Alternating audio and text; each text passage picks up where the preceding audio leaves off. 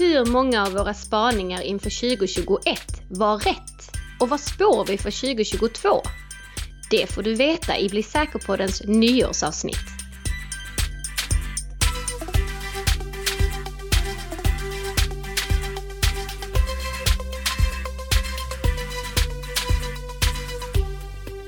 Gott nytt år Nicka! Gott nytt år Tess!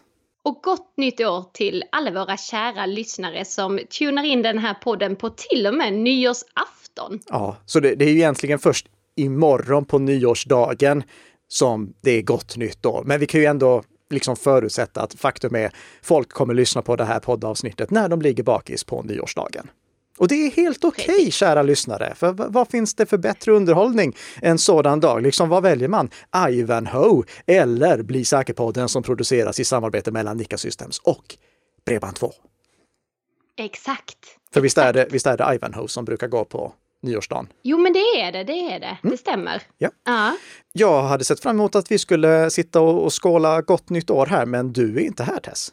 Nej, jag vet. Det, var, det fick bli så på grund av nya restriktioner och så vidare. En gång till alltså? Det ja. så nu, nu sitter du hemma? Jag sitter hemma här igen. Ja, ja, ja visst, mm. okej. Okay. Men då, då kör vi väl uppföljningen så här lite på distans. Så mm. Um, vi tar och blickar tillbaka på avsnitt 101, eh, tror jag det var, där vi hade följande fem profetior och vi inleder med den första. Okej, okay. spaning nummer ett. Windows 10-uppdateringsförfarandet förändras och Windows 10X floppar.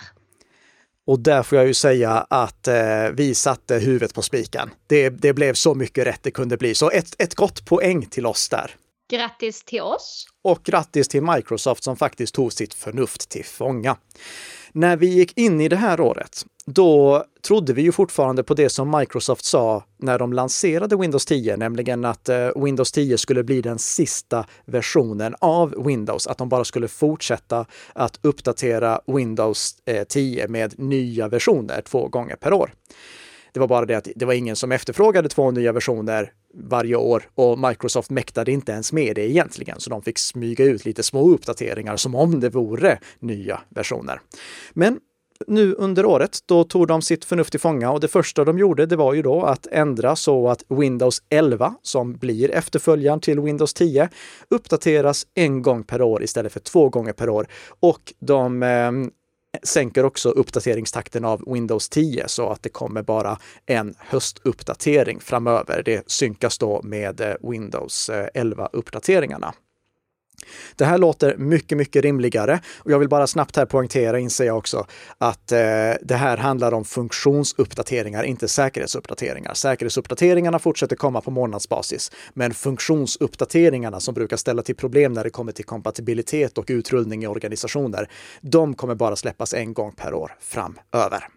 Mm. Sen sa jag ju faktiskt så fult att Windows 10X kommer att floppa det får jag säga att det gjorde det stenhårt. Så hårt, så att Microsoft inte ens släppte det.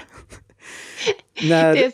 När vi pratade om Windows 10X för första gången, då var det för att Microsoft presenterade det som en version av Windows 10 som skulle köras på dubbla skärmar. Och jag tror att jag redan då sa att det här är inte någonting som bara kommer köras på dubbla skärmar, utan det här är någonting som Microsoft kommer erbjuda till eh, liksom vanliga datorer också. Mm. Sen pratade vi om att det skulle containeriseras så att det skulle gå att eh, få att bli, det skulle liksom bli ett säkrare operativsystem tack vare att de gamla traditionella alla Windows-applikationerna kördes containeriserat. Men eh, så blev det inte heller, utan Microsoft eh, de meddelade först att eh, de kommer lansera Windows 10X utan den här containeriseringen för gamla Windows-applikationer. Och sen så meddelade de kort och gott att Windows 10X inte alls kommer. Och det som skedde istället, det var att de tog det nya gränssnittet, det nya grafiska gränssnittet som de hade uppfunnit för Windows 10X med en centrerad eh, menyrad och lite rundade hörn och sånt. Det tog de och eh, bakade ihop med den senaste versionen av Windows 10 och så kallade de det Windows 11. Så vi fick ja. inget Windows 10X och uh, Windows 11, det är ju egentligen bara en, eh, en ny version av Windows 10. Ja. Så uh, ja, det, det blev ganska exakt så som vi trodde, eh, fast eh, själva terminologin och namnen, de blev inte som vi trodde. Just det. Men jag, jag, jag säger ett fullt poäng, utan tvekan. Absolut. Mm. Då får vi se om vi även får ett poäng för spaning nummer två. 2021 kan bli året då Google får bukt med uppdateringsproblemet för Android-mobiler. Det här kommer ju sig av att eh, allt för många Android-mobiltillverkare har under alla år struntat i att förse sina mobiltelefoner med säkerhetsuppdateringar. Även om Google har släppt säkerhetsuppdateringar till de versionerna av Android som mobiltelefonerna har kört, så har tillverkarna av mobiltelefonerna inte släppt vidare de säkerhetsuppdateringarna till sina mobiltelefonmodeller. Det här har kommit sig av att det har varit ett stort jobb för mobiltelefontillverkarna att eh, anpassa Googles förändringar för sina mobiltelefoner. Det, uppdatering av Android, det skiljer sig nämligen från uppdatering av Windows. Uppdatering av Windows, där kan ju Microsoft pusha ut uppdateringar till alla Windows-datorer utan att behöva bry sig om vad Dell och Lenovo och HP eh, har hittat på. Men mm. med Android, då är allting liksom i en enda klump som då gör att eh, när Google släpper en säkerhetsuppdatering, då måste först mobiltelefontillverkaren anpassa den för att sen kunna släppa den till sina mobiltelefonmodeller och till slut få användarna att installera säkerhetsuppdateringen också. Det låter ju otroligt omständigt och hur har det gått 2021? Jo, Project Treble har börjat ge lite resultat. Project Treble, det var Googles eh, satsning på att inte ha allting, all kod i en och samma klump, utan att dela upp det lite i lager så att det blir lättare för mobiltelefontillverkarna att släppa ut säkerhetsuppdateringarna så att eh, det blir lite, lite mer så som Windows fungerar. Att mobiltelefontillverkarna, de eh, har sitt eget lager ovanpå operativsystemet istället för att de krokar in sig helt och hållet i operativsystemet. Mm. Det här eh, har gjort att Eh, Eh, de som ligger bakom Snapdragon-processorerna, alltså Qualcomm, de eh, meddelade i slutet av förra året, alltså slutet av 2020, att deras nya då processor säger jag nu, men egentligen är det systemkrets. Men eh, deras nya processor Snapdragon 888 skulle de underhålla i fyra år.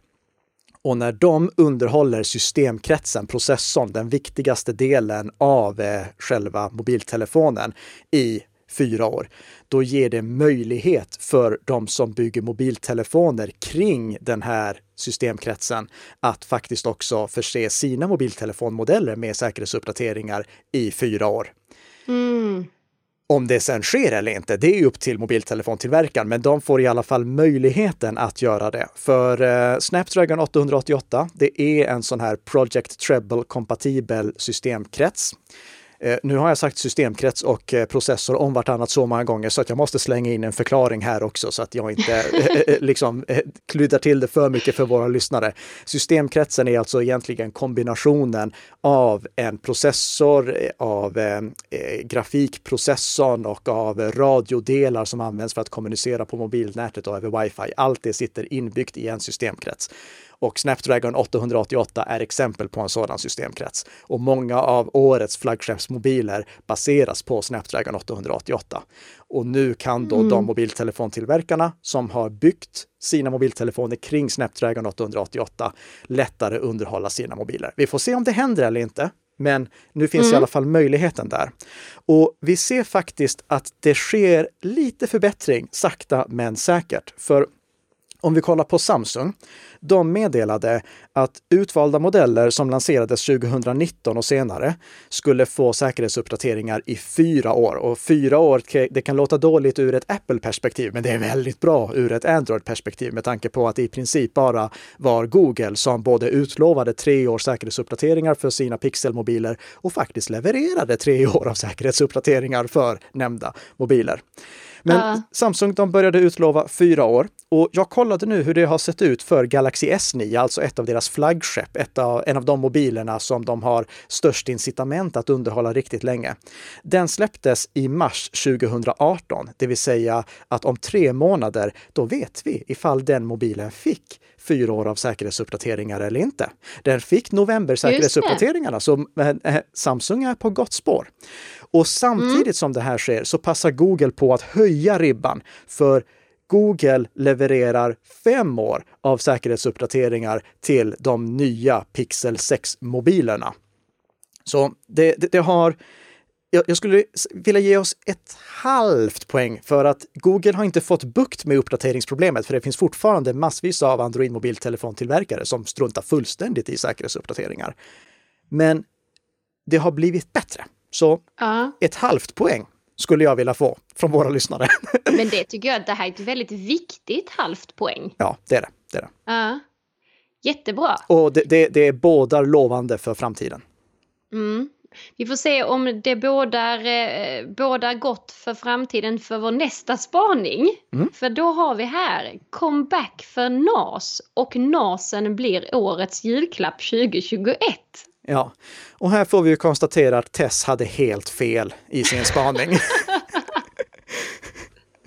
Jo, precis. Ja, nej men eh, skämt åsido, NASen borde såklart ha blivit årets julklapp. Det råder ju inga tvivel om det. Att eh, liksom utse, vad var det, en, eh, ett event eller något sånt som blev årets julklapp mitt i pandemitider. Jo, jag tackar ja. Det, det, det är ju liksom NASen som borde ha blivit årets julklapp. Det tror jag alla är överens om. Det är ju den inofficiella julklappen. Det är den officiella i den lilla Bli säker-podden-sfären. Exakt. Ja, nej, men jag, jag- jag får väl bara erkänna. Jag hade helt fel. Jag, jag trodde vi skulle få se en stor comeback eh, för NAS med anledning av eh, integritetsintresset. Ehm, Men jag har Mm. ingenting som tyder på att så har blivit fallet. Det är de som redan är NAS-frälsta som fortsätter att ha sina egna NASar. Men jag har inte sett någonting som tyder på att vi har fått en renässans kring NAS. Så nej, tyvärr, inget poäng där. Inget poäng nej. Så än så länge har vi alltså ett och ett halvt poäng. Ett och ett halvt av tre möjliga. Ja. Okej, spaning nummer fyra. Det kommer att fortsätta att vara problem med utpressningsattacker 2021 och angripare kommer hota med att läcka filerna. Där får jag ju tyvärr säga att eh, vi tar ett till poäng. Det var ett ganska lättförtjänt poäng, för det Mm. var ing- ingen högoddsare direkt. Vi, eh, vi har ju sett oerhörda problem med utpressningsattacker under det här gångna året. Mer än tidigare om vi kollar ur ett uteslutande svenskt perspektiv. Eh, Vi har sett värre händelser utomlands tidigare år, men om vi kollar ur ett svenskt perspektiv, då kan vi till exempel ta attacken mot Coop. Det, alltså det var ju samhällspåverkande att faktiskt en Verkligen. matvarukedja inte kunde ha öppet. Vi hade attacken mot eh, Nordic Choice Hotel nu i slutet av eh, året där personuppgifter läckte för, från de anställda och eh, stackars eh, eh, inte portieren, vad heter det, receptionisten eh, fick eh, Mm. springa runt och låsa upp dörrar. Vi har ju attacken mot Kalix kommun, snacka om samhällspåverkande. Ja, verkligen. Och jag tänker bara detta är ju både Nordic Choice och Kalix är ju ny Ja. i december. Dessutom eh, så såg jag att när det, det det var strax före jul, då sa de eh, till TT från eh, Kalix kommun att eh, det skulle vara liksom tre veckor till innan systemen var uppe och rullade. Så det här är en utpressningsattack som har fått både stor och lång påverkan på samhället. Mm. Och just det här med att läcka filer, det, det ser vi ju inte bara med personuppgifter, att eh, angriparna hotar med att läcka personuppgifter som de har kommit över, äh, kommit över utan eh, det har ju också varit eh, ritningar. Du Tess, eh, fick du en ny Macbook av dig själv i, i julklapp? Nej, men jag tänker att jag ska få den i nyårspresent till mig själv kanske. Ah, okej. Mm. Och den Macbooken som vi har valt ut till dig, den eh, visste vi ju redan väldigt många detaljer kring i våras. Eftersom eh, Quanta, som är den, eh, eh, den eh, partnertillverkare som Apple lägger ut tillverkningsjobbet på, de läckte ju ritningarna till den i samband med en utpressningsattack från våra favoritutpressare Revel som ligger bakom Sotinokibi. Eller låg bakom Sujin och Kibi får jag nog nästan säga nu. Ja. Ja. Så eh, eh vi ser ytterligare fokus på det här som vi i podden har kallat utpressning 3.0. Alltså att angriparna inte bara attackerar organisationer för att utpressningskryptera systemen så att eh, liksom systemen blir otillkomliga och eventuellt att information försvinner, utan angriparna lägger ännu större fokus på att exfiltrera data, stjäla data så att det liksom inte finns någon backup eller någonting sånt som kan rädda mot läckaget av filer. Mm. Ja, tråkigt nog så fick vi ett rätt till där faktiskt. Så vi får se här med spaning nummer fem. Det har varit ett år av inloggningsproblematik. Mm. Jag eh, gnällde i det avsnittet över att eh, liksom, det var rörigt med hur man skulle logga in. Alltså olika, eh, olika webbplatser använde olika inloggningslösningar. Och det problemet har i min mening bara ökat under det gångna året. Microsoft de lanserade ju sin lösenordsfria inloggning som tidigare har använts i organisationssammanhang, men nu är den också tillgänglig för privatpersoner. Där man ska använda Microsoft Authenticator för att eh, logga in. Och vi gjorde ett avsnitt om den där jag berättade hur jag lyckades låsa ute mig själv. Äh, och, och, alltså, jag ansträngde mig för att låsa ute mig själv. Vi pratade där också om problemet med eh, att eh, ha osäkra återställningsmetoder någonting som man också måste väga in när man väljer vilken inloggningslösning man vill ha. Men om det är någonting som Microsoft vill så är det att man ska använda deras inloggningslösning. De vill bli en gatekeeper. De vill vara den som liksom alla inloggningar går genom. Och Apple är samma sak. Eh, Apple har ju förbättrat sin lösenordshanterare eh, så att eh, man kan ha lösenordshanteraren i kombination med logga in med Apple som genererar en unik e-postadress. Så att allting blir eh, lite mer anonymt för webbplatsen som man skapar ett konto på och Apple istället fungerar som den centrala inloggningstjänsten. De har också kompletterat lösenordshanteraren med möjlighet att eh, generera engångskoder som fungerar på alla webbplatser som stöder branschstandardmetoden för tvåfaktorsautentisering. Du vet Google Authenticator, Authy och liknande.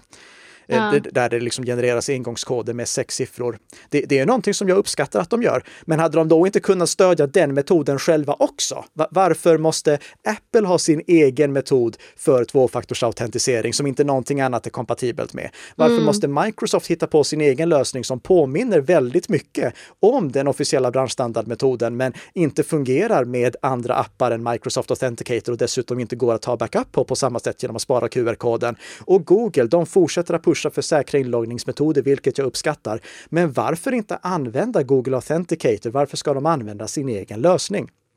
Jag tycker uh. att under året så har det blivit ännu krångligare att hålla koll på alla dessa olika, inlo olika inloggningslösningar och hur man kan återställa sina konton ifall man tappar bort vad det nu än är man behöver för att kunna logga in. Så jag vill ha ett poäng där också.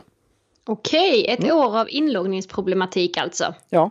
Vi fick alltså tre och ett halvt rätt, Nicka. Mm. Totalt. Ja, det var bra. Men då, eh, då kanske det är dags att blicka framåt till 2022. Det Vad spanar vi? Fem stycken saker. Vi kommer gå igenom tre av dem i eh, den här podden. Men kort och gott så är det nummer ett att Nextcloud blir nästa moln. Nummer två att ankan kväver eldräven. Nummer tre iPad OS The Sweet 16.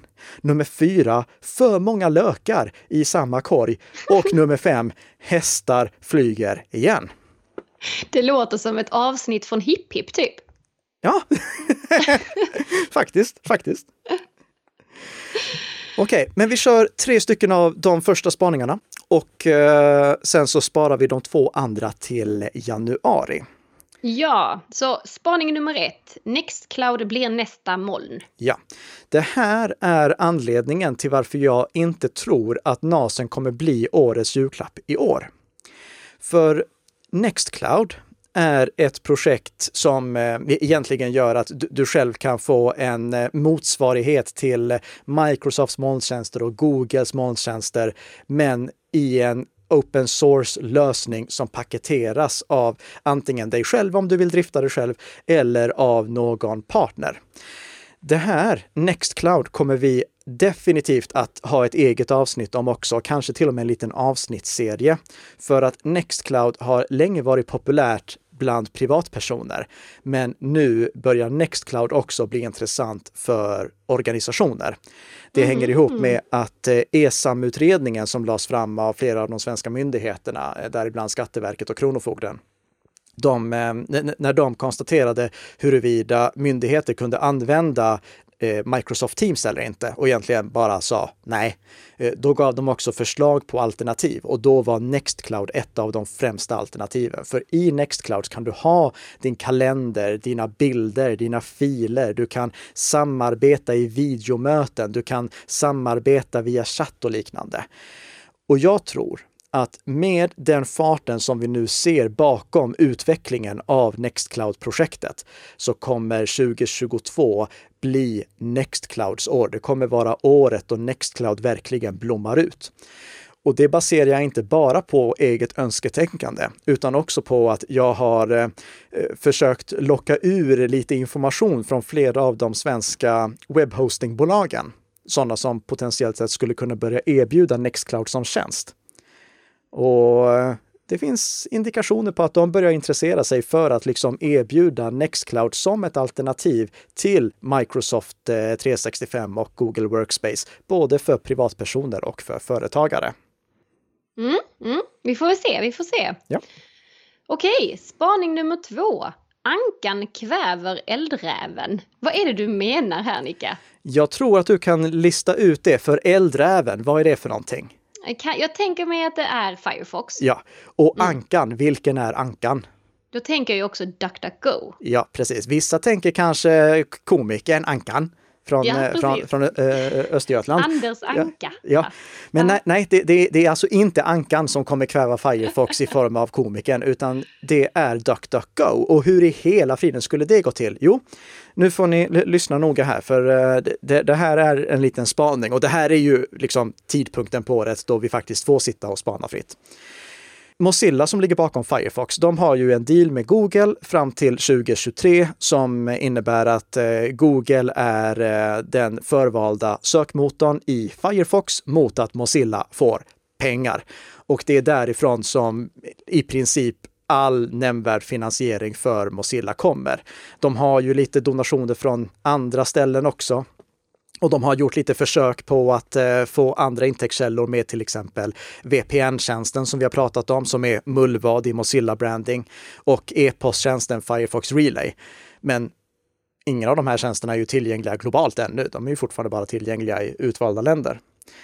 Men Ja. i, i alla fall, det, de, de, de, de försöker hitta andra in, intäktskällor, men det ska mycket till ifall de ska kunna ersätta Google. Och huruvida de behöver ersätta Google eller inte som den stora finansiären, det vet vi inte än. Men vi kan ju däremot i alla fall dra slutsatsen att med tanke på att Firefox-användandet i världen ligger under 4% De har en marknadsandel på under 4 De är under riksdagsspärren kan vi säga. Det, det bådar ju inte för att Google kommer vilja fortsätta pumpa in pengar i Firefox eller betala Nej. lika mycket för att vara den som eh, ja, egentligen betalar Firefox-utvecklingen. Mm. Och Firefox, de är i en liten svår situation för att idag, då finns det egentligen tre webbläsarmotorer. Det finns väldigt många olika webbläsare, men det finns i grunden bara tre stycken webbläsarmotorer som har en nämnvärd marknadsandel. Vi har först och främst Blink som alla Chromium-baserade webbläsare använder, till exempel då Chrome, nya Edge, Opera, Vivaldi, Brave. Vi har Gecko som Firefox använder. Och vi har WebKit som Safari använder och som även Gnome Web använder. Och Safari ska vi inte skoja bort. Safari har nästan en 20 i marknadsandel. Det är liksom den enda webbläsaren som har någonting att sätta emot mot Google. Det som DuckDuckGo berättade nu i slutet av året, det var att de också skulle lansera en webbläsare. Jaha. De har tidigare haft en webbläsare för eh, mobiltelefoner. Så eh, på iPhone då har de en webbläsare som använder WebKit, vilket är den enda webbläsarmotorn du får använda på iPhone. Det har Apple bestämt. Och på eh, Android så är deras webbläsare baserad på Blink, alltså Chromium-grunden finns där. Mm. Nu meddelar de att de släpper en webbläsare för datorer också. Och det här hade kunnat vara räddningen för Firefox ifall de hade valt Gecko. Men det gjorde de inte. Utan de meddelar istället så här, citat på engelska från deras vd Gabriel Weinberg. Instead of forking Chromium or anything else, we're building our desktop app around the OS provided rendering engines. Det innebär att på MacOS kommer deras webbläsare att baseras på WebKit. Och på Windows kommer det baseras på antingen Chromium eller på Edge HTML som var eh, motorn som användes i du vet, gamla Legacy Edge, inte Credge ja. utan gamla Edge. Men det kommer inte baseras på Gecko. Det här är problematiskt eftersom om nu det kommer en ny webbläsare och den lyckas plocka marknadsandelar på något sätt och den kommer från DuckDuckGo. Varifrån kommer den att plocka marknadsandelar? Ja, det är knappast från Chrome. Det är inte Chrome-användare som kommer hoppa över till DuckDuckGos webbläsare. Det är inte Edge. Det är inte Safari. Och det är kanske, eh, ja, det, det finns en liten sannolikhet att det är Brave-användare som hoppar dit. Men vilka är det som har störst intresse av en integritetsvärnande webbläsare? Och det är ju Firefox-användarna. Mm. Så jag är rädd att lanseringen av DuckDuckGos webbläsare kommer kväva Firefox så att det blir ännu färre som använder det. Det, det här är självfallet ingenting jag hoppas. Det, Firefox är ju Nej. min favoritwebbläsare just nu. Men... Men, eh, menar du då att Firefox kan gå i graven på grund av detta? Nej, det, det, det, kommer aldrig ske. Men ifall jag får spana helt fritt, och, och, det här är alltså riktig longshot, mm. så kan det leda till att Firefox måste fundera över vad de kan göra. Kan de både driva utvecklingen av en webbläsarmotor och utvecklingen av en webbläsare? Och de får då kanske rätta mun efter matsäck och hoppa på WebKit istället. Mm. Det, det, och det här är alltså en riktig long shot. Eh, det, det, jag säger inte att jag har några belägg för det här. Jag säger bara om de måste skala ner ytterligare, för de har ju redan skalat ner kostymen rejält, men om de måste skala ner ytterligare och vill att Firefox ska överleva, vad är då bäst för dem? Att eh, fortsätta försöka få sin egen webbläsarmotor att överleva? Eller att faktiskt gå ihop med Apple och utveckla WebKit vidare så att det liksom blir en rejäl konkurrent mot Blink och Chromium. Mm. Sen är det här eh, lite roligt i sig för att Blink är ursprungligen en vidareutveckling av WebKit. Men oavsett vad, det, det vore bra om vi åtminstone har två stycken stora motorer som kan bråka med varandra och trigga varandra till att utvecklas vidare. Jag, jag, jag säger inte att det är så att, eh, eh att, eh, att eh, Firefox kommer byta till WebKit. Min spaning är att eh, DuckDuckGo kommer skada marknadsandelen för Firefox. Men jag håller det inte orimligt att de faktiskt lägger ner Gecko och byter till WebKit. Nej. Okej, spaning nummer tre. iPad OS Sweet 16. Mm. Det här är en eh, ganska långshot också, så vi får se. Det är lite riskfyllda spaningar vi kör i år. Men eh, när iOS 13 lanserades, då valde ju Apple att eh, bryta ut iPadOS till att vara ett eget operativsystem, fast det i grund och botten var exakt samma som iOS. Det var bara det att det kallades iOS på iPhone och det kallades iPadOS på iPad. Jag trodde ju att det då berodde på att Apple skulle göra någonting större med eh, iPadOS och inte bara vara en förstorad version av iOS med lite liksom extra krusiduller som passar iPad. Mm, mm. Men det gjorde de inte under iOS 13 och de gjorde det inte med iOS 14 heller och det gjorde de inte med iOS 15 heller. Så jag, jag, jag, fattar inte varför i hela friden kallar ni det här ett eget operativsystem? Det är ju inget eget operativsystem.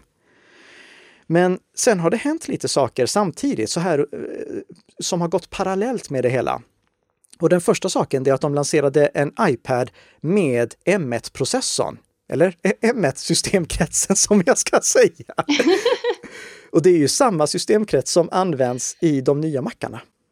Ja. Och dessutom så kan utvecklare nu göra iPad-appar som också fungerar på de nya M1-baserade mackarna. Det här tror jag är förberedelser för någonting stort som kommer hända med iPadOS 16. Jag tror att det här är förberedelser som Apple gör för att börja göra iPadOS till ett mer företagsanpassat operativsystem. Någonting som går hand i hand med deras aviserade satsning på att börja erbjuda manageringstjänster för Apple-produkter. Okej. Okay. Det här skulle innebära att iPadOS blir en konkurrent till MacOS och till Windows. Någonting som kanske får stöd för flera, eh, flera fönster som är öppna samtidigt och liknande ifall man kopplar in det till en extern skärm. Något som går idag, men som är ganska meningslöst idag. Men varför vill man göra det? Alltså från Apples sida tänker jag. För, från Apples sida så är det för att Apple har ännu bättre kontroll över iPadOS än de har över MacOS. Mm. Men anledningen till att det är intressant ur ett säkerhetsperspektiv, det är ju att iPadOS är Alltså om du vill ha ett operativsystem där det är så svårt som möjligt att infektera användaren och så svårt som möjligt för användaren att göra något fel, då är det ju iPadOS. Och, och, om du ska ge ja. någonting till en person som inte är datorvan och få honom eller henne att aldrig liksom riskera att råka infektera sig själv, då är det ju inte Windows eller MacOS som han eller hon ska använda, utan iPadOS. Åtminstone ifall det blir en riktig renodlad konkurrent till de liksom 80 och 90-tals operativsystemen som vi annars använder idag. Mm. Och vi närmar oss dit. Inte minst med tanke på att vi nu också liksom har riktiga tangentbord och styrplattor till iPad. Ja, det är sant. Mm. Så mm. Det, det, är en liten long shot där, men jag tror att eh, Apple har någonting i görningen på företagsfronten för att få ut eh, iPadOS i organisationer på ett helt annat sätt än som den renodlade konsumentprodukten det har varit i väldigt stor utsträckning fram till idag. Jag vet att det finns de som kan vara produktiva på iPadOS, men jag pratar om någonting mycket, mycket större. Mm. Vi får se ifall eh, vi har rätt i den spaningen eller inte. Det känns som många långskott nu Nika. Man blir lite nervös. Ja. Men eh, det, det, ska vi väl eh, klara ut. Mm.